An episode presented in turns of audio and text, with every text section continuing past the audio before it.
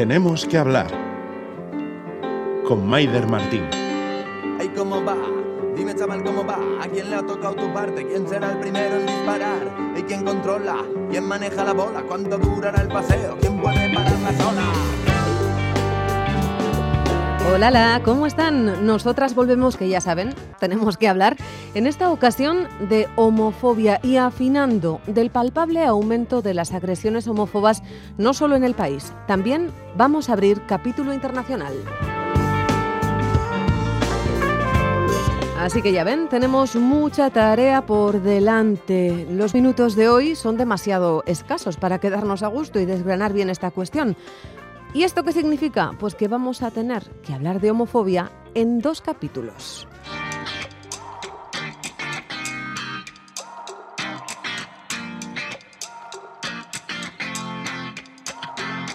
Me vi incrustado en ese lugar de mentiras y de irrealidad, maquillado para lo perfecto. ¿Acaso es real?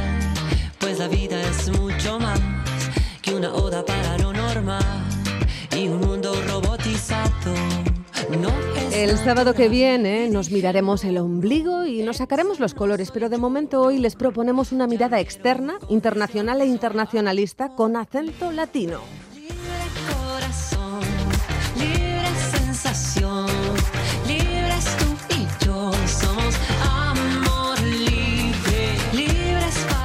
Nosotras queremos exactamente lo mismo que en esta canción canta Javiera Mena y este man. Y por eso, como en las calles, en esta casa, hoy no se claudica y mañana, pues tampoco. Ahora que una denuncia falsa parece que invalida la evidencia, esa que dice, deja claro que las agresiones homófobas repuntan, que el hecho de sentir y los deseos sexuales de cada uno son enjuiciados, como hace unos cuantos siglos atrás, y que determinados discursos políticos arengan estas posiciones, nosotras les traemos unos cuantos datos. En Europa, casi la mitad de los homosexuales y transexuales se han sentido discriminados. Uno de cada cuatro ha sufrido agresiones o amenazas en los últimos cinco años. En los últimos diez, unas 3.500 personas trans han sido asesinadas en el mundo según el proyecto TVT.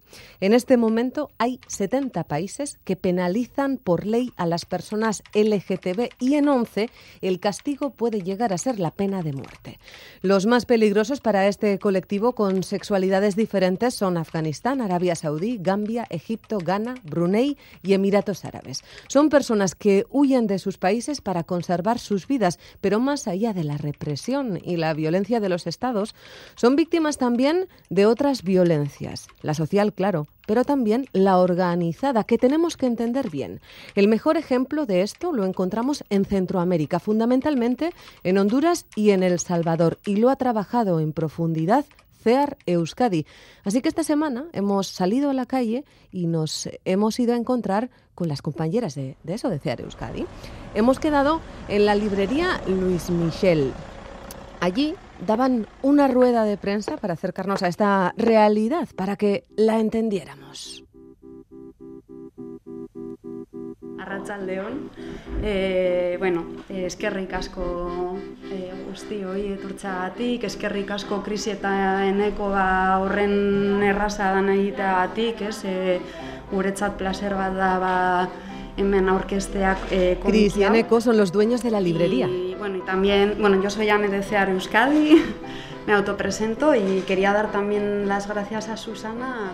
Ella es Anne, Anne Garay, que mientras habla nos explica que hace dos años comenzaron a detectar el aumento evidente de las peticiones de asilo de personas de Honduras y El Salvador.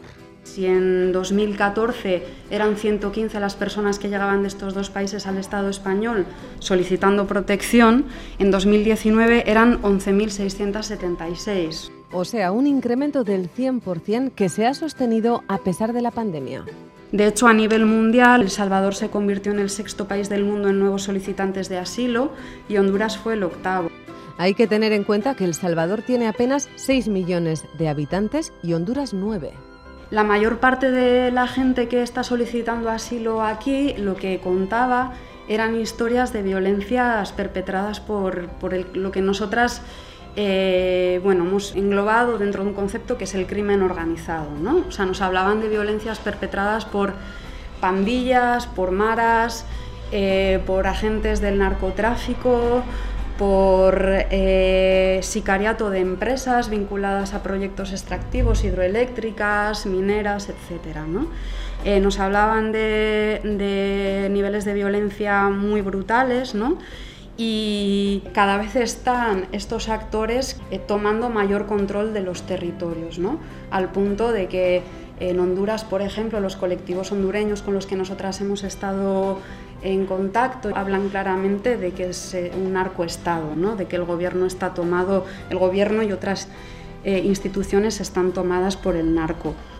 Así que nos pusimos a trabajar, quisimos saber más cómo funciona un narcoestado eh, para este colectivo, para el LGTB. Empezamos a mandar unos cuantos WhatsApps y entonces, así, encontramos a Néstor. Él milita en el colectivo Honduras Diversa, es homosexual y corrobora esta situación que se agrava más aún en un año electoral en Honduras porque la mayoría de candidatos y candidatas a elección popular están profesando discursos de odio en contra de la agenda por los derechos de las mujeres y de las personas LGTBI discursos políticos contrarios a la diversidad, apoyados por el ultracatolicismo y por la estructura narco, que hacen que el colectivo homosexual o LGTB tenga que salir del país. Hablamos con Néstor el miércoles y ese día acababan de asesinar a una mujer transexual en Copán.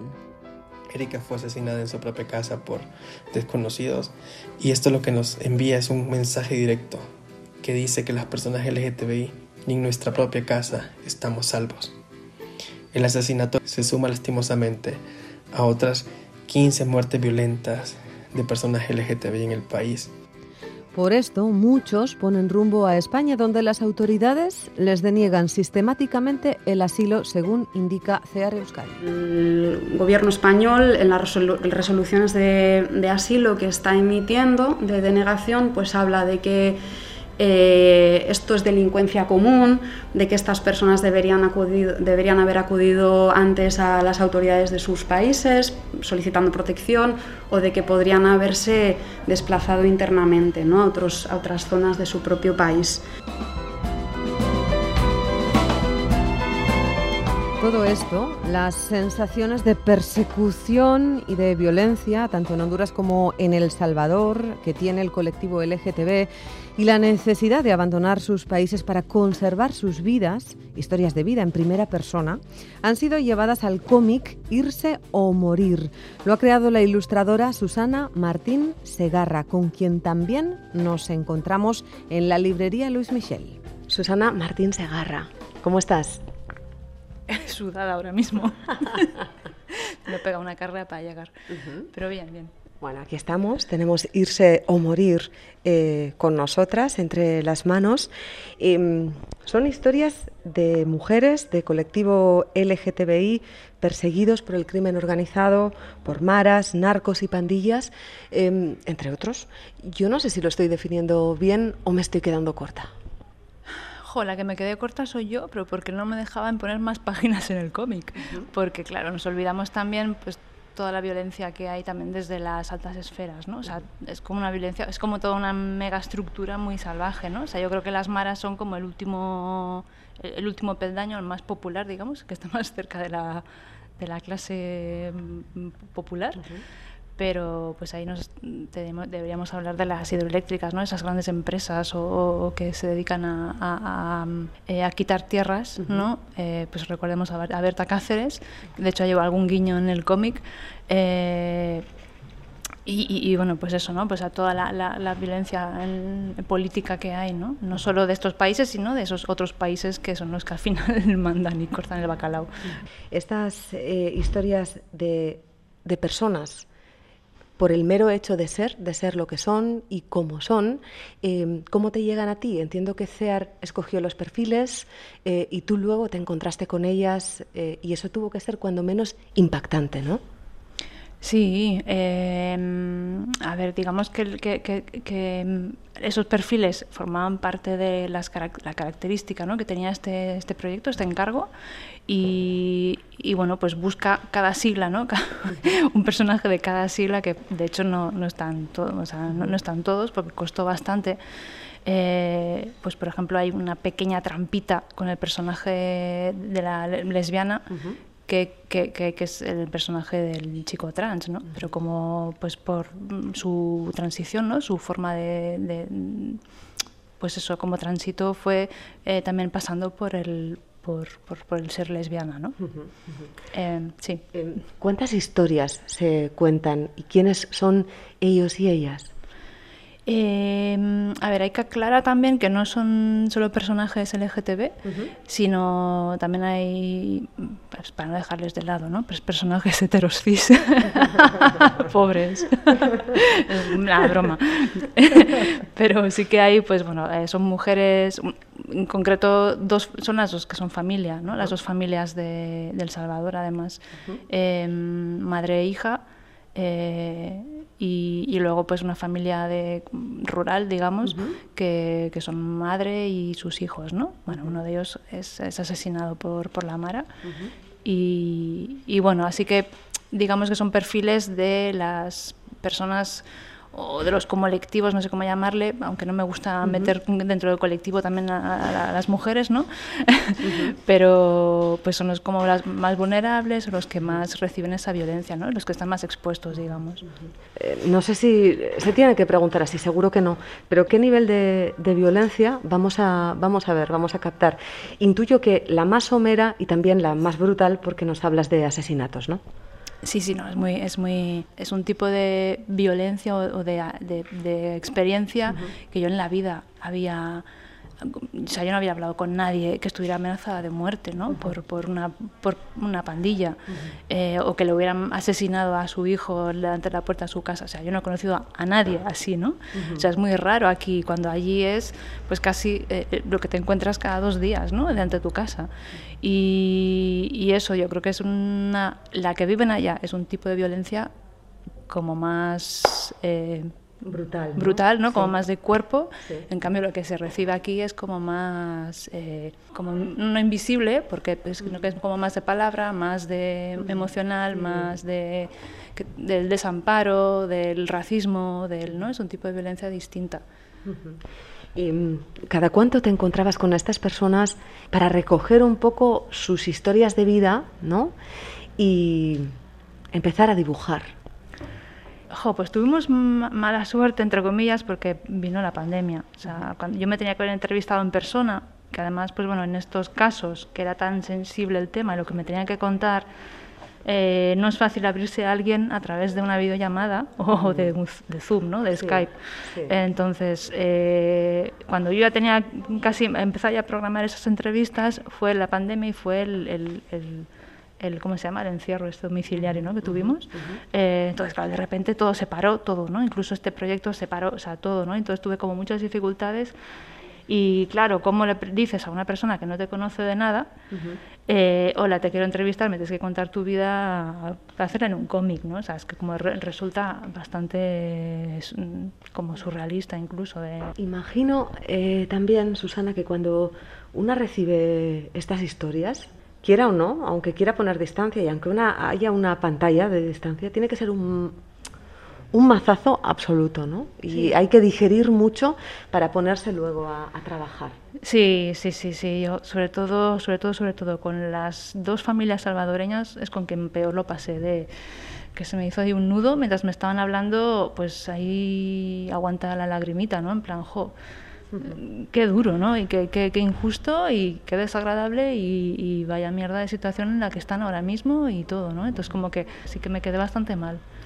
La mayor parte del trabajo, supongo que son los flashbacks, están hechos eh, a un solo color. Unos son rojos o más rojizos y otros son en blanco y negro, escala de grises, por así decirlo. ¿Por qué? Pues era tan complejo, o sea, cómo armar toda esta estructura, tantos personajes y hacerlo también de una forma ágil, ¿no? De que, que rápidamente la gente de aquí, o sea, blanca, o sea, como también quiero matizar eso, ¿no? A quien, a un, que va dirigido a un tipo de público, este cómic. ¿A qué público? a la gente blanca de aquí. pues, pues que sepan diferenciar Honduras y El Salvador, porque es como el tópico de, Ay, Honduras está al lado de Colombia, que está al lado de Brasil, ¿no? Es como, o sea, como que tendemos a todo Sudamérica, ¿no? Cuando, entonces, bueno, pues es una forma de también de reivindicar esas zonas, esos países y, y esa, marcar esa diferencia, ¿no? Que no hablan, tampoco hablan igual, o sea, también hemos tenido muy en cuenta el hondureño y el, o sea, los giros lingüísticos, ¿no? Y como que es algo que he tenido muy en cuenta, ¿no? De hecho, al inicio de las entrevistas, la primera pregunta que les hacía era que me describieran su país y cómo sentían su país, ¿no? O sea, porque para mí era muy importante que, que esos países también estuvieran muy presentes, ¿no? Esa, esa belleza que para ellos ya no, ya no la podían tener. Bueno, última pregunta porque el tiempo apremia, tienes otras entrevistas y otras cosas que hacer, pero sí que quería que me dieras el pie a nuestro siguiente invitado y que nos cuentes quién es Delmer. Pues Delmer es el, personaje gay, el protagonista gay. Fue también el primer entrevistado, que es la, la entrevista que peor hice sí. para mí. Sí. y sí que me parece una historia muy interesante la suya, porque es muy amigo de otra, de, de otra protagonista, que es Rihanna. Y yo creo que aquí juega mucho el tema de la amistad, ¿no? O sea, que también esa familia elegida eh, cuando tu familia te rechaza por ser como eres y eliges tu familia y haces piña con esa familia, pues eh, van a muerte, ¿no? Esos dos personajes, ¿no? O sea, de repente se quedan muy solos en su país y deciden irse a otro país en el que también están muy solos, ¿no? Susana Martín Segarra, pues es que ricas con muchas gracias, muchas gracias eh, por hacernos este huequito. Sube, es que ricasco.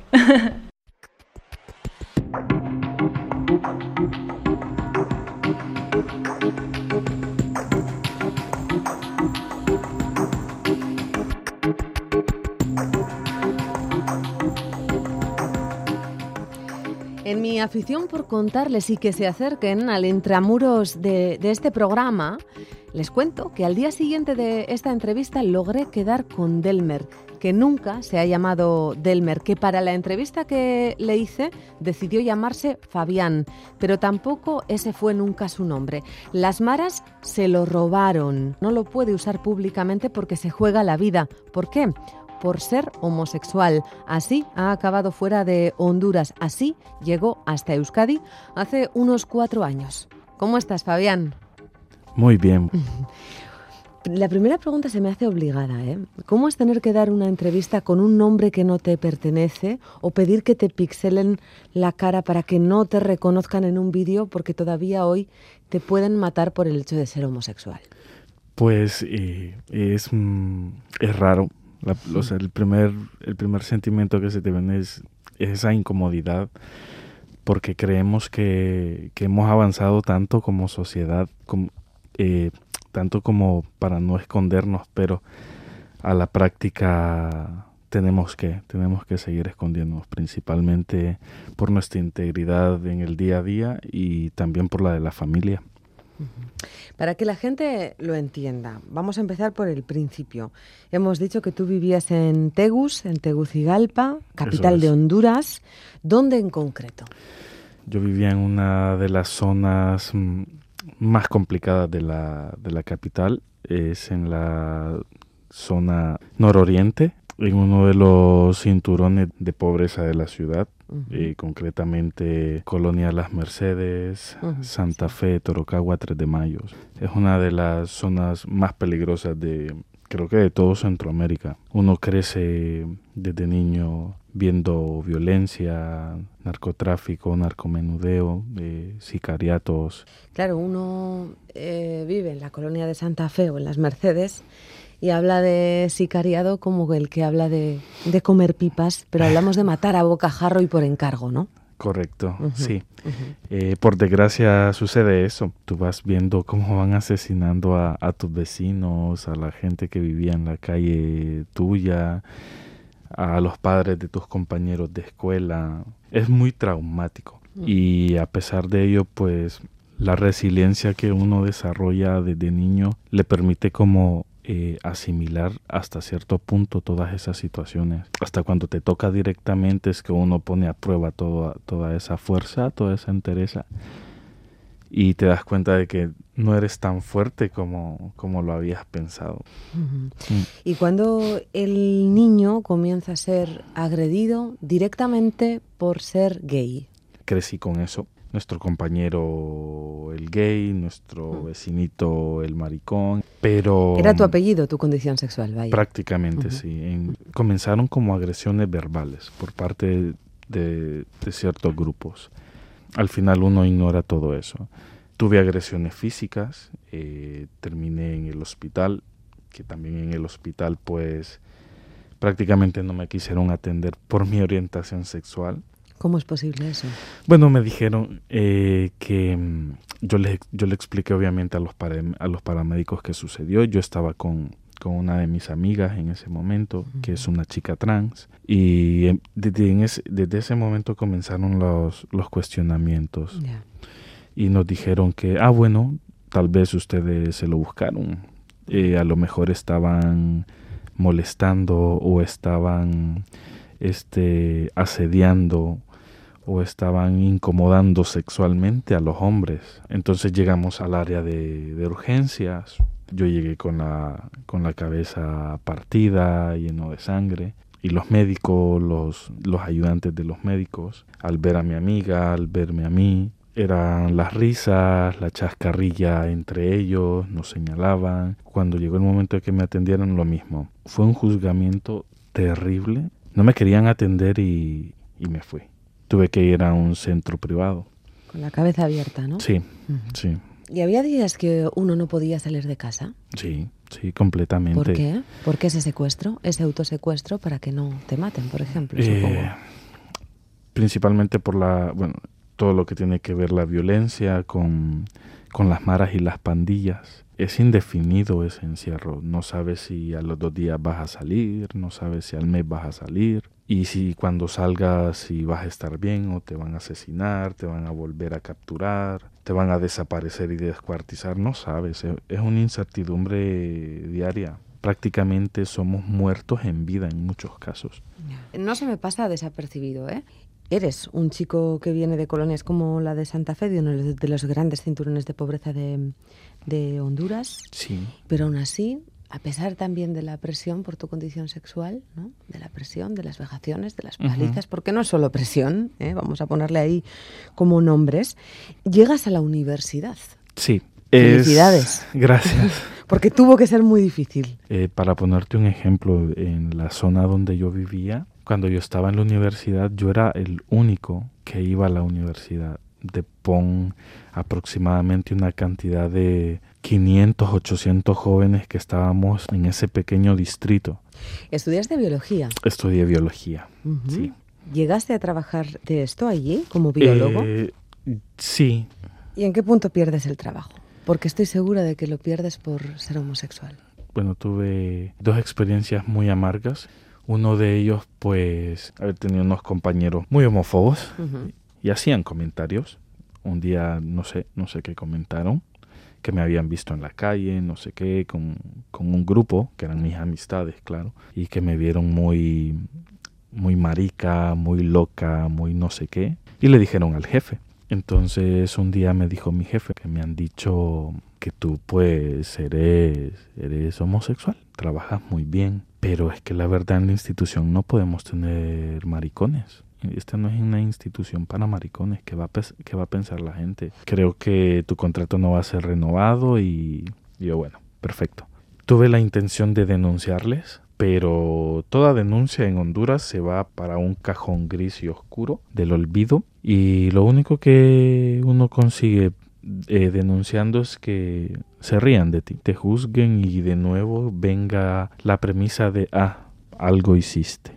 En la otra ocasión, cuando yo estaba trabajando como profesor, yo prácticamente todos los días tenía que regresar al armario porque había juzgamientos y señalamientos sobre sobre mi comportamiento, que no era un comportamiento raro, simplemente era un comportamiento más pero venían los padres de familia, venía el encargado, venía algún otro profesor o profesora y era, ah, nosotros, eh, no sé, pensamos como, como que el licenciado Fabián se mira rarito. Esta es una institución donde hay menores de edad, eh, debemos de tener cuidado. Y llegó un momento que la directora de, de, la institución me dijo, mira, tenemos varias quejas sobre esto y la verdad que nos da miedo que le vaya a suceder algo a uno de nuestros jóvenes.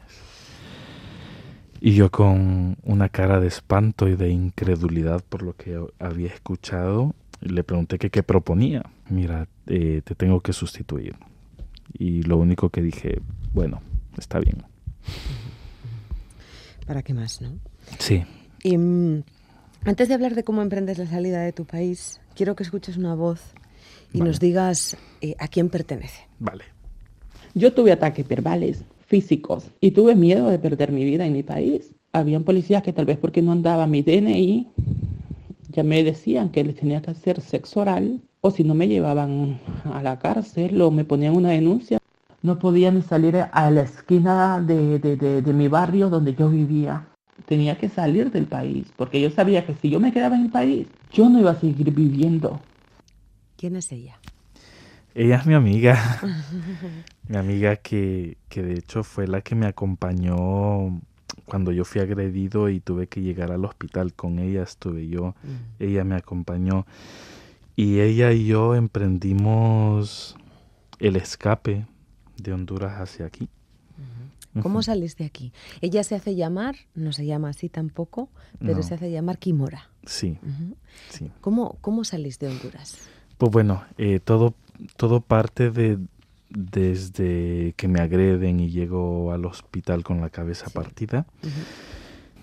Cuando yo ya regreso a casa, llego con, con ella, con mi amiga y con mi hermana, y a las pocas horas de que ya estamos en casa, llegó uno de los líderes de la pandilla. Bueno, habló con mi hermana. yo no quise salir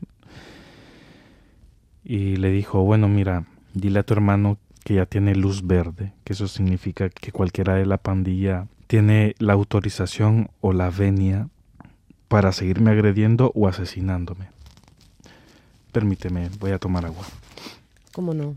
¿Cómo no? Y te daría un abrazo. ¿eh? La magia de la radio es que desde lejos nos hace, nos hace estar cerca, pero nos impide poder darnos un abrazo. Sí. Aunque sea con mascarilla. Sí, eso es.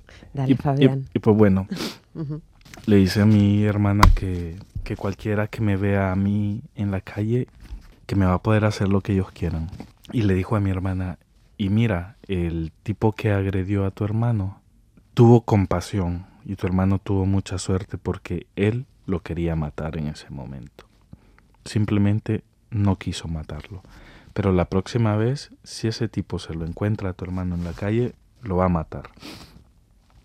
Es mejor que le digas a tu hermano que se vaya, que se vaya a otro país. Y nos quedamos con eso. A los dos días yo tenía que presentarme de nuevo al trabajo que tenía en ese momento y me lo encontré al chico. ¿Al que te agredió? Sí, yo tuve que esconderme y tuve que llamar a mi hermana y mi hermana llegó como con, con cuatro o cinco personas más para resguardarme. Y el chico me lo dijo, eh, eh, que no todos los días a mí me iban a estar protegiendo, que en algún momento me iban a encontrar solo. Y al día siguiente así fue. Iba muy temprano para el trabajo y el tipo como que me estaba esperando como a eso de las seis de la mañana, que era la hora que yo salía a mi trabajo, y me volvió a agredir. Y mm, y ese día fue cuando mi hermana muy preocupada habló con mis otros hermanos, habló con mi padre y les dijo, pasa, pasan estas situaciones. Y Fabián tiene que irse, no sabemos para dónde, pero tiene que irse. Y justo mi amiga, eh, igual, ella ya había decidido que, que se venía hacia aquí. Y teníamos a una persona que nos podía recibir aquí en Guipúzcoa. Y en cuestión de, de dos semanas, mi familia y yo conseguimos el dinero, que fue un préstamo, y así pude salir. de la forma como salimos fue, al menos para mí ha sido traumante porque tuve que salir muy temprano un día de casa escondiéndome como que si yo era algún delincuente, algún asesino, alguien que había hecho algo muy malo. No me despedí de toda mi familia, no me despedí de mis amistades, no me despedí de, de mis amigos del vecindario con los que yo crecí desde niño. Tuve que dejarlo todo de un día para otro y llegar aquí sin nada. O sea, destrozado, desilusionado, eh, llorando, porque al inicio no quería estar aquí. Y bueno, eso hace casi cuatro años. ¿Y ahora cómo estás? Pues las cosas han mejorado, sí, estoy, estoy mejor, estoy bien. Eh, sí, lo único eh, pasando, pasando en solitario normalmente. Estoy trabajando, trabajo en algo que me gusta muchísimo, que siempre me ha gustado.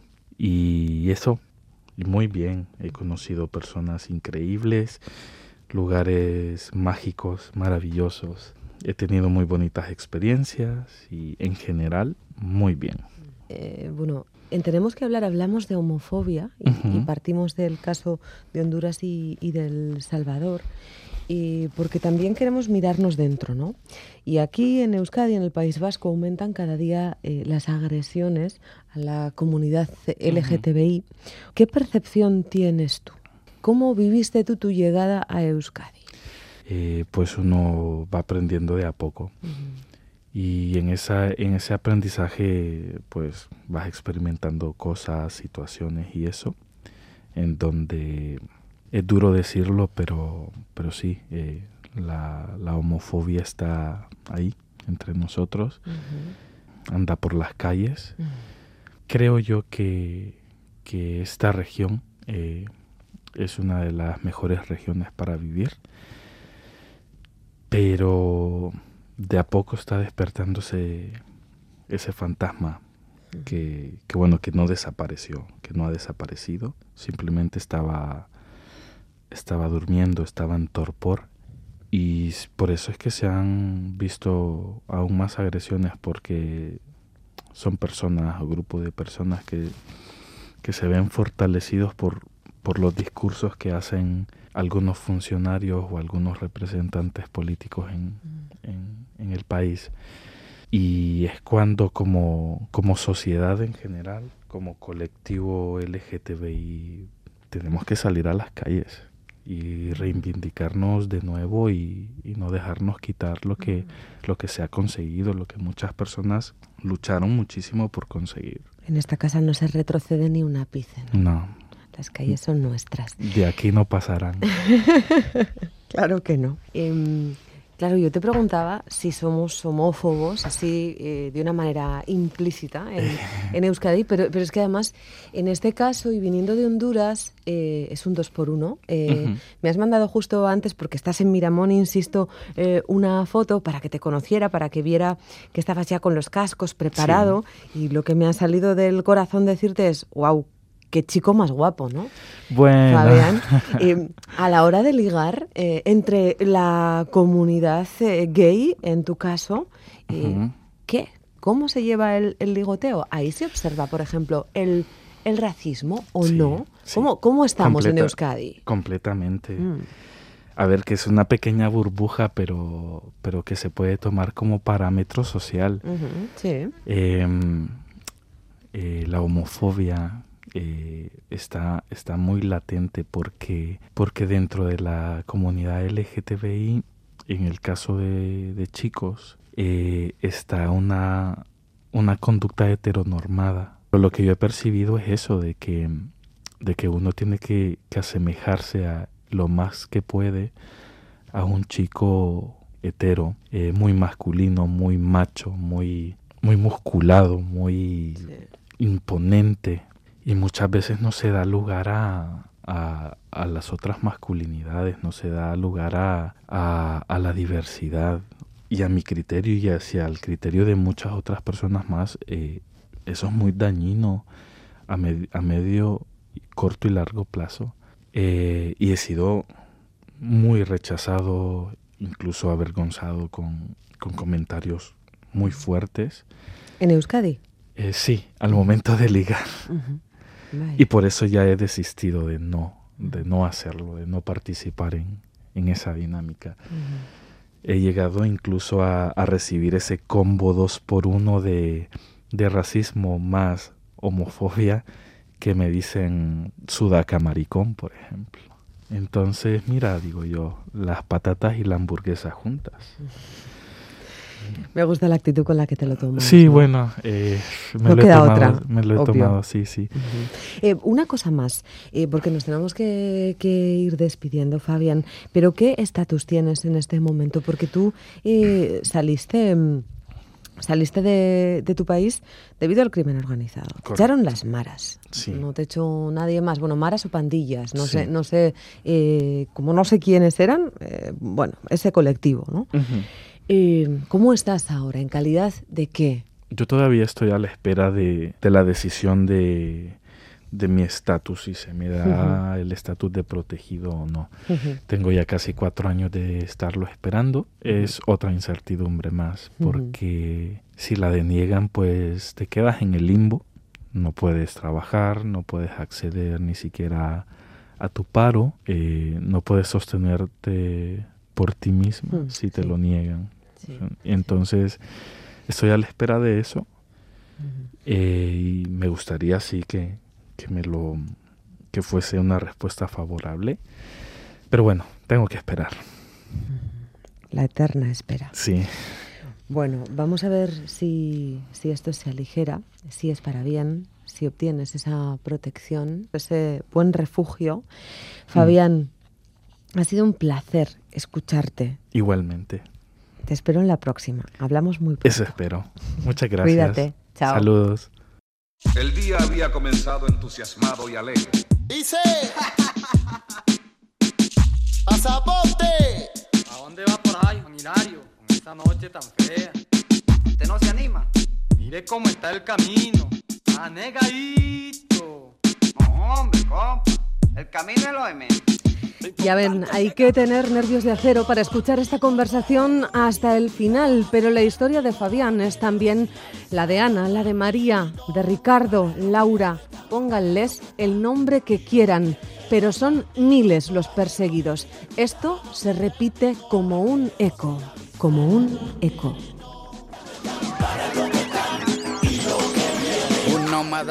A nosotras se nos echa el tiempo encima, es hora de cerrar la persiana y marcharnos, no sin antes agradecer a todos los que han colaborado en las entrevistas que han escuchado. Este programa ha sido posible gracias a las compañeras de CEAR Euskadi, al trabajo de la ilustradora Susana Martín Segarra y gracias sobre todo también a la valentía del testimonio de un hombre al que las maras le robaron el nombre por ser homosexual y que para participar en esta entrevista se ha hecho llamar Fabián.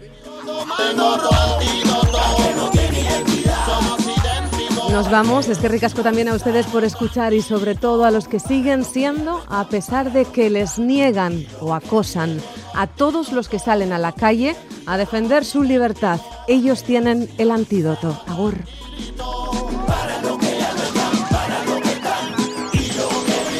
sonrisa yo veo una guerrilla, una aventura, un movimiento. Tu lenguaje, tu acento, yo quiero descubrir lo que ya estaba descubierto. Ser un emigrante, ese es mi deporte. Hoy me voy para el norte sin pasaporte, sin transporte, a pie con las patas, pero no importa, este hombre se hidrata con lo que retratan mis pupilas. Cargo con un par de paisajes en mi mochila, cargo con vitamina de clorofila, cargo con un rosario que me vigila. Sueño con cruzar el meridiano resbalando por las cuerdas del 4 de Aureliano y llegarle tempranito, temprano a la orilla. Por el desierto con los pies a la parrilla. Vamos por debajo de la tierra, como las ardillas. Yo voy a cruzar la muralla. Yo soy un intruso con identidad de recluso. Y por eso me convierto en buzo. Y buceo por debajo de la tierra. Pa' que no me vean los guardias y los perros no me huelan. Abuela, no se preocupe, que en mi cuello cuelga la Virgen de la Guadalupe.